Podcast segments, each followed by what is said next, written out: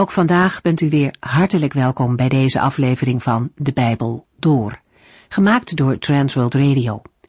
Voor meer informatie kijkt u dan op onze website transworldradio.nl.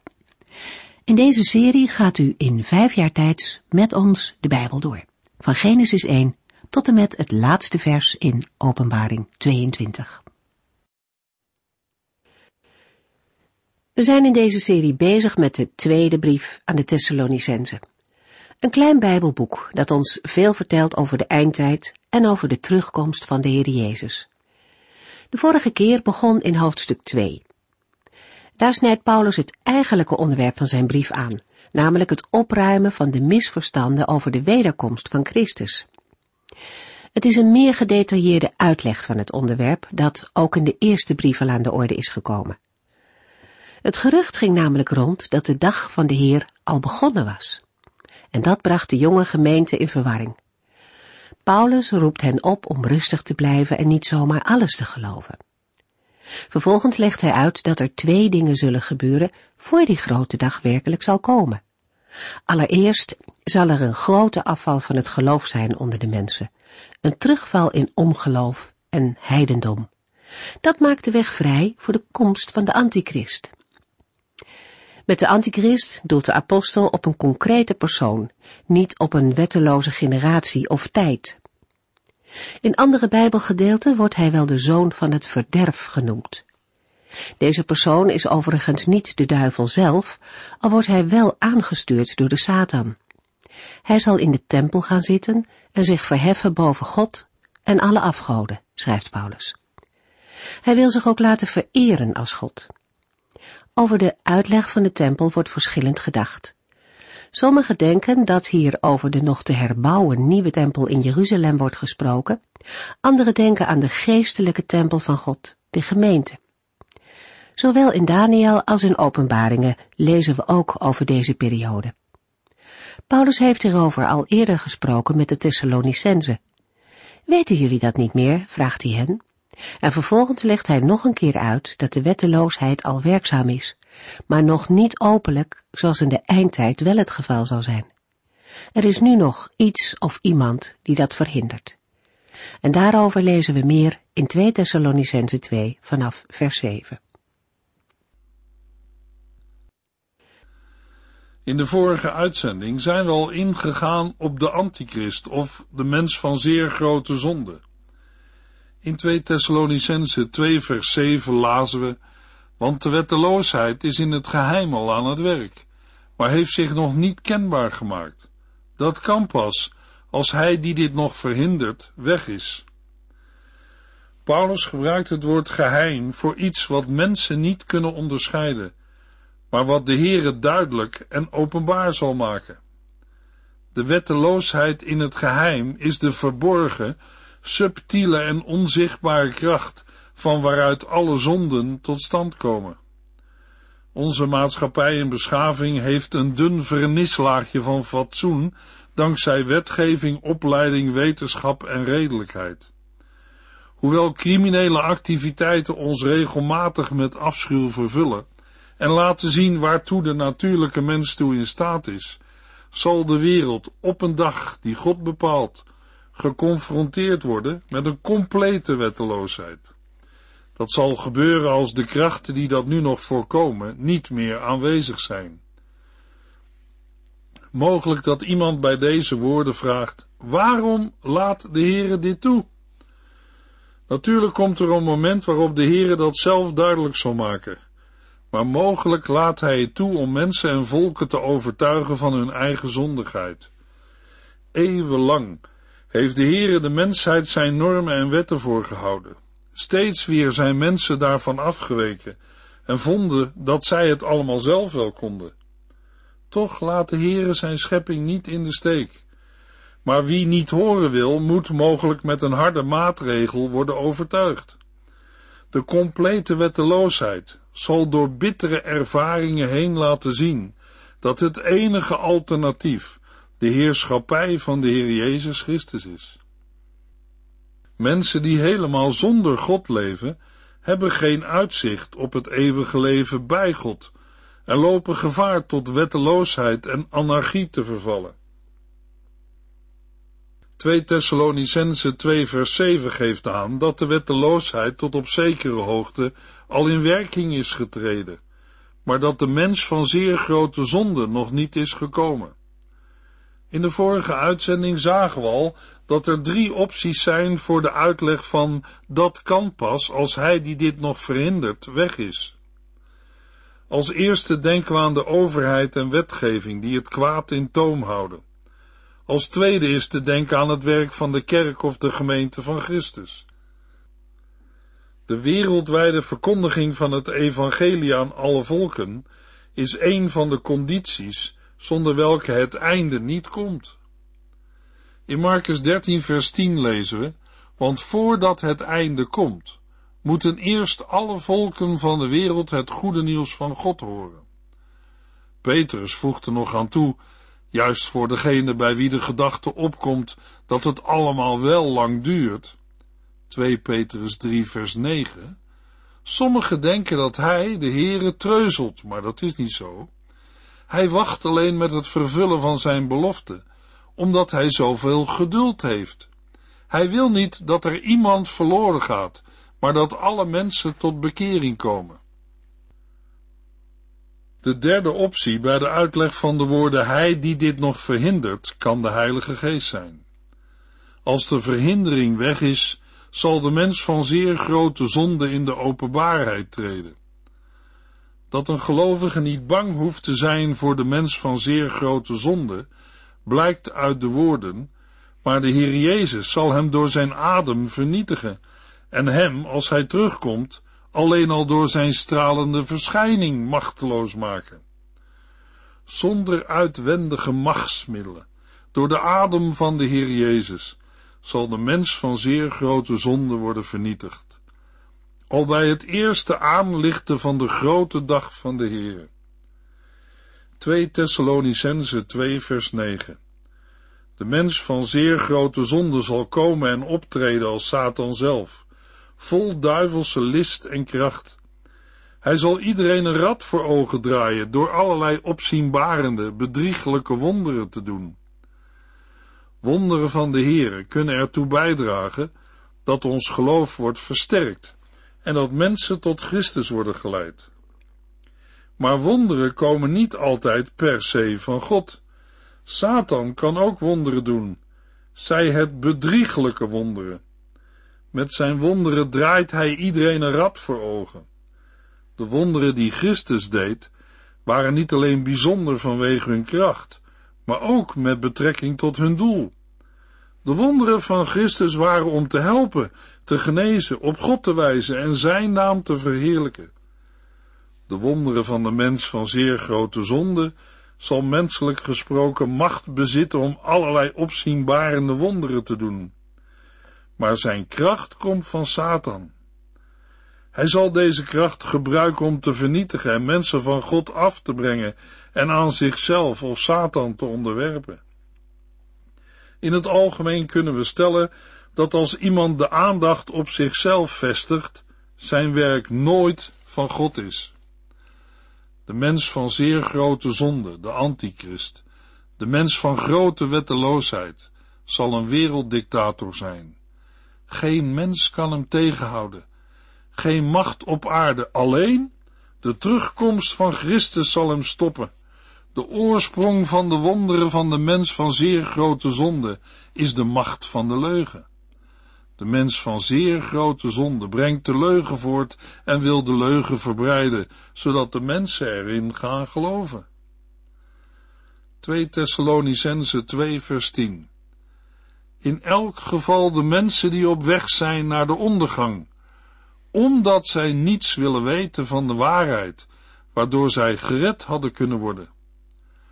Ook de woorden mensen die op weg zijn naar de ondergang geven aan dat de oorsprong en het karakter van de wonderen van de antichrist verleiding zijn. Daarbij kan het ook gaan om verleiding tot zonde. Dan is de ondergang het doel van de verleiding. Overigens zullen de gelovigen door tekenen en wonderen van de antichrist niet worden verleid. In Marcus 13, vers 22 zegt de Heer Jezus, want er zullen valse Christussen en valse profeten komen. Zij zullen grote wonderlijke dingen doen, om daarmee de mensen die bij God horen op het verkeerde spoor te brengen, als dat mogelijk was. Maar die grote en wonderlijke dingen hebben wel succes bij mensen die op weg zijn naar de ondergang, de mensen die verloren gaan. Paulus bedoelt niet te zeggen dat de mensen die op weg zijn naar de ondergang daar al van tevoren door de Here toe waren bestemd. Dat blijkt ook uit de woorden, zij hadden gered kunnen worden. Paulus geeft een beschrijving van mensen die al op de weg naar de ondergang zijn. De apostel geeft ook aan waarom zij op die weg zijn en hoe zij daar zijn gekomen. Paulus schrijft, omdat zij niets willen weten van de waarheid, waardoor zij gered hadden kunnen worden. Met de waarheid wordt het evangelie bedoeld.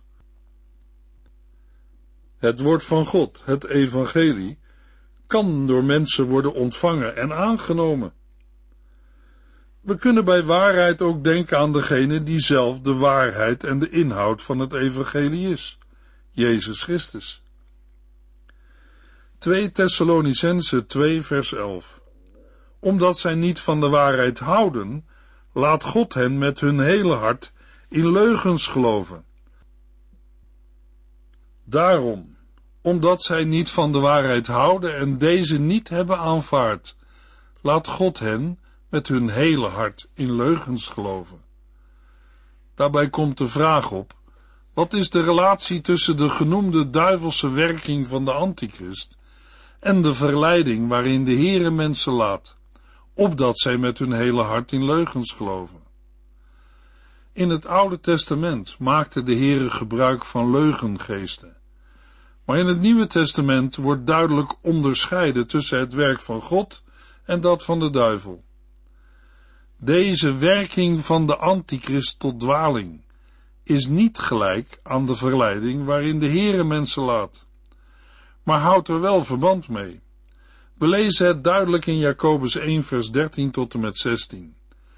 Maar als u moeite hebt om de zonde het hoofd te bieden, moet u niet zeggen dat God u in de verleiding brengt. God heeft nooit de neiging iets slechts te doen en hij brengt niemand in verleiding. Het zijn uw eigen slechte verlangens die u in verleiding brengen. De slechte verlangens waar u aan toegeeft, brengen u tot zonde, en als de zonde volgroeid is, brengt die de dood voort. Broeders en zusters, verlaat dus nooit de weg van God. Bij de woorden van Paulus in vers 10 en 11 moeten we eerder denken aan verharding en verblinding die de Heere brengt over hen die zichzelf al tegen hem hebben verhard. Of aan een goed mens die afdwaalt en slechte dingen gaat doen en door de Heere ten val wordt gebracht. Bij 2 Thessalonicense 2 vers 11 is een opmerkelijke overeenkomst met Romeinen 1. De mensen hebben de waarheid over de Heere God verworpen en de waarheid voor de leugen ingeruild.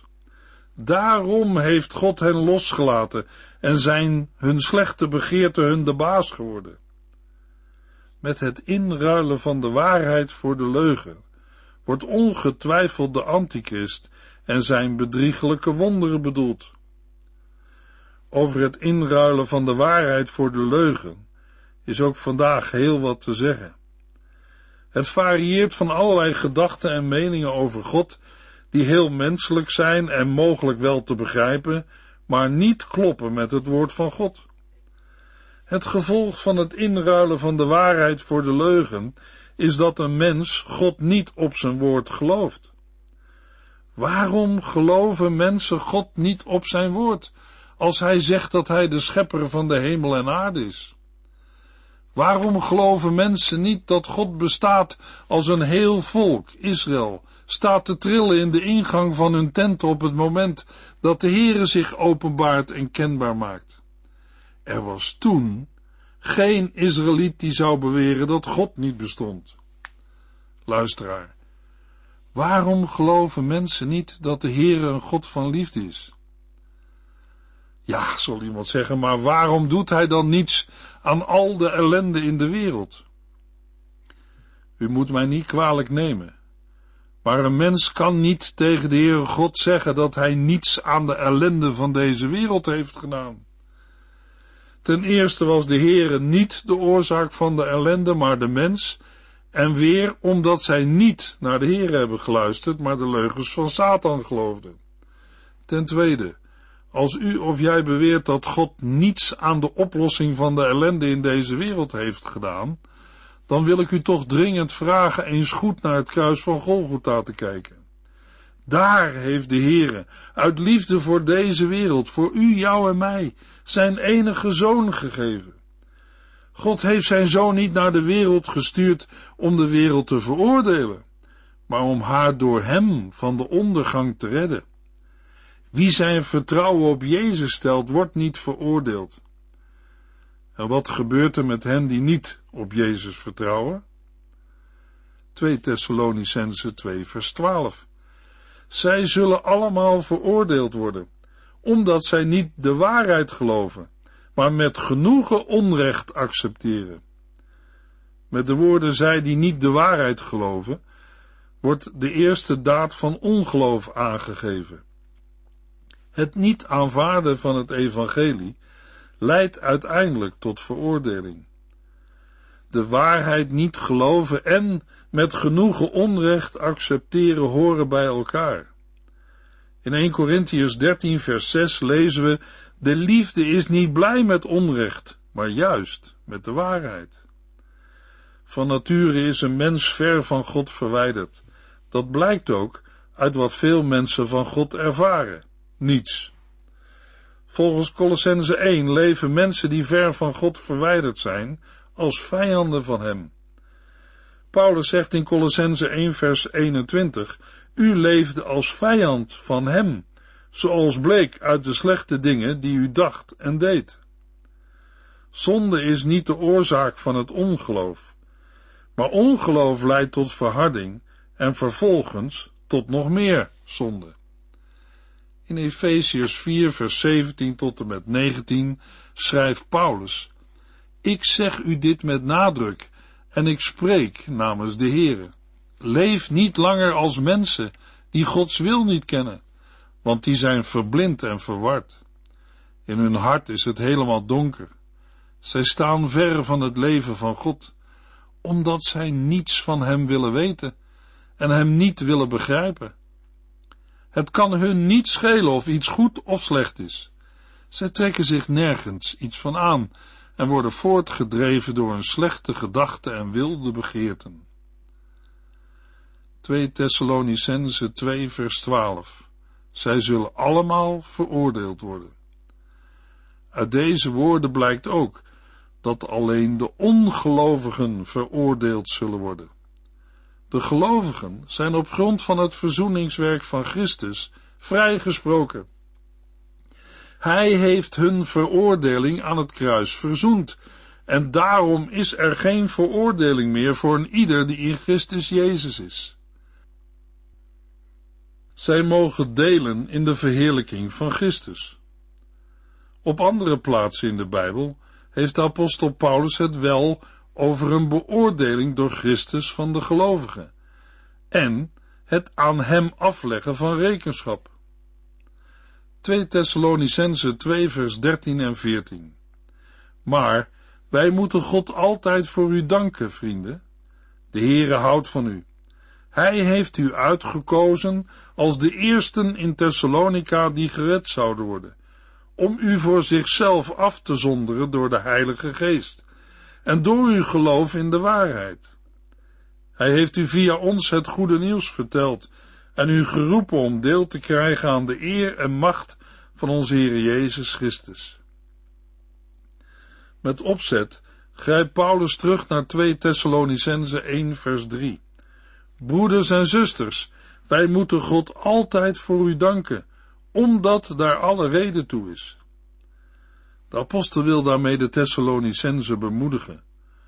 De bemoedigende dingen die hij noemt zijn, de Heere houdt van u en hij heeft u uitgekozen. Prachtig om te lezen wat de apostel aan de gemeente van Thessalonica schrijft. De Heer heeft u uitgekozen als de eersten in Thessalonica die gered zouden worden. Het gebruik van het woord uitgekozen heeft hier de betekenis van verkoren zijn en komt uit Deuteronomium 7 vers 6 tot en met 8, waar we lezen, want u bent een heilig volk, gewijd aan de Heer uw God. Hij heeft u uit alle volken op aarde uitgekozen om zijn kostbaarste bezit te zijn. Niet omdat u een groter volk was dan de anderen, heeft de Heer u uitgekozen, want u was het kleinste van allemaal. Hij deed dat omdat hij zoveel van u houdt en zijn belofte aan uw voorouders hield. Daarom bevrijdde hij u uit de Egyptische slavernij met zo'n vertoon van macht en grote wonderen. Zo koos de Heere zijn volk uit alle volken, om zijn kostbaarste bezit te zijn.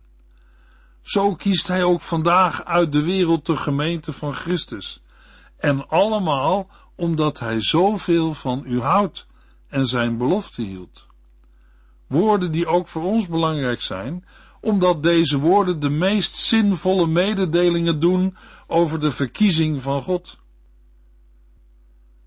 Paulus' verkondiging van een eeuwige verkiezing van de gelovigen heeft vooral het doel hen in een situatie van druk en vervolging te vertroosten. De uitverkiezing komt tot vervulling doordat Gods geest door zijn inwoning de gelovige apart zet, heiligt en de mens van zijn kant in geloof vasthoudt aan Jezus Christus. Gods eeuwig voornemen wordt in de praktijk gerealiseerd, in de roeping door middel van de verkondiging van het evangelie. Roeping en verkondiging gaan nauw samen. Het heil bestaat in de heerlijkheid die Jezus Christus heeft.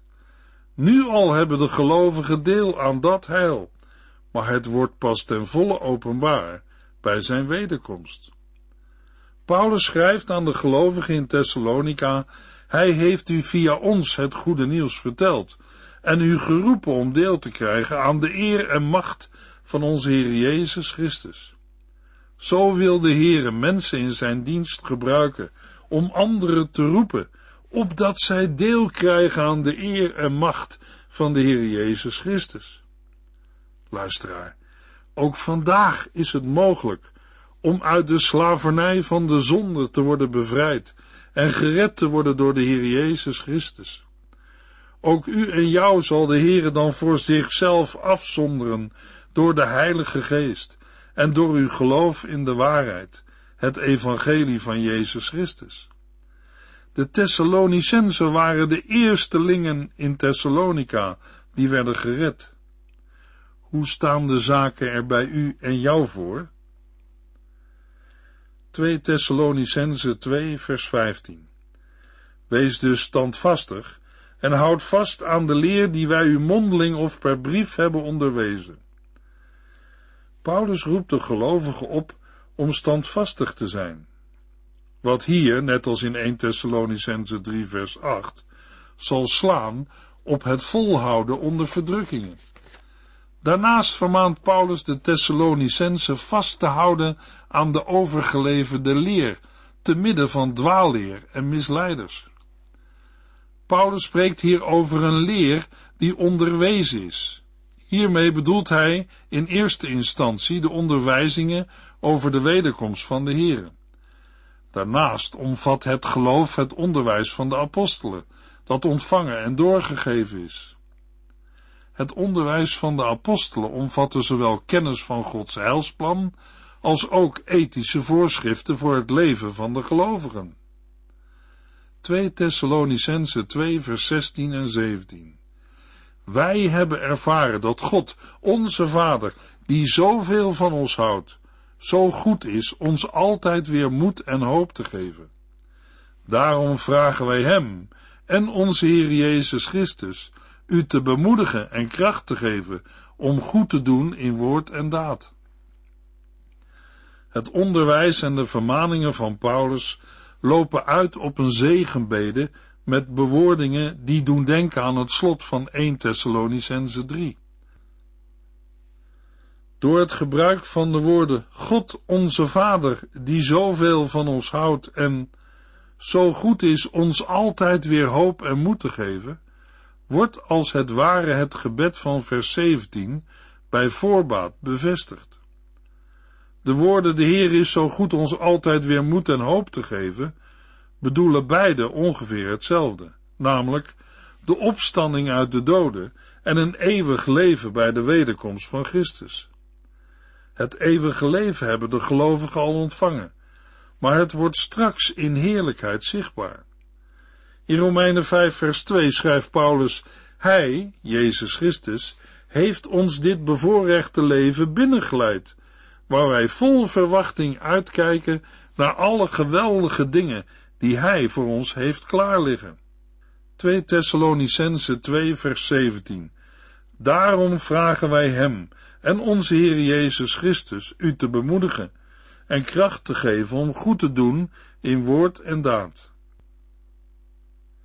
Met deze woorden vraagt Paulus de Heer Jezus dat bij de Thessalonicense de liefde van God haar uitwerking zal hebben in woord en daad. Het thema dat de apostel in de tweede brief aan de Thessalonicense heeft uitgewerkt. Hij heeft de juiste en goede woorden kunnen vinden in de bestrijding van de dwaalleer. Het goede werk komt in 2 Thessalonicense 3 aan de orde, waar de apostel duidelijk maakt dat gelovigen in hun eigen levensonderhoud moeten voorzien door te werken. In de volgende uitzending lezen we 2 Thessalonicense 3 vers 1 tot en met 7. U heeft geluisterd naar De Bijbel Door, in het Nederlands vertaald en bewerkt door Transworld Radio. Een programma waarin we in vijf jaar tijd de hele Bijbel doorgaan. Als u wilt reageren op deze uitzending of u heeft vragen, dan kunt u contact met ons opnemen. Tijdens kantooruren kunt u bellen op 0342 478432 0342 478432. Ook kunt u een e-mail sturen naar de at transworldradio.nl en natuurlijk kunt u ook via de post ons bereiken. TWR, postbus 371, postcode 3770, AJ in Barneveld. Dit programma werd gepresenteerd door Cor Weda en Ike André. Techniek was in handen van Odin van Voerkom. En wij allemaal bedanken u voor het luisteren. Graag tot de volgende keer.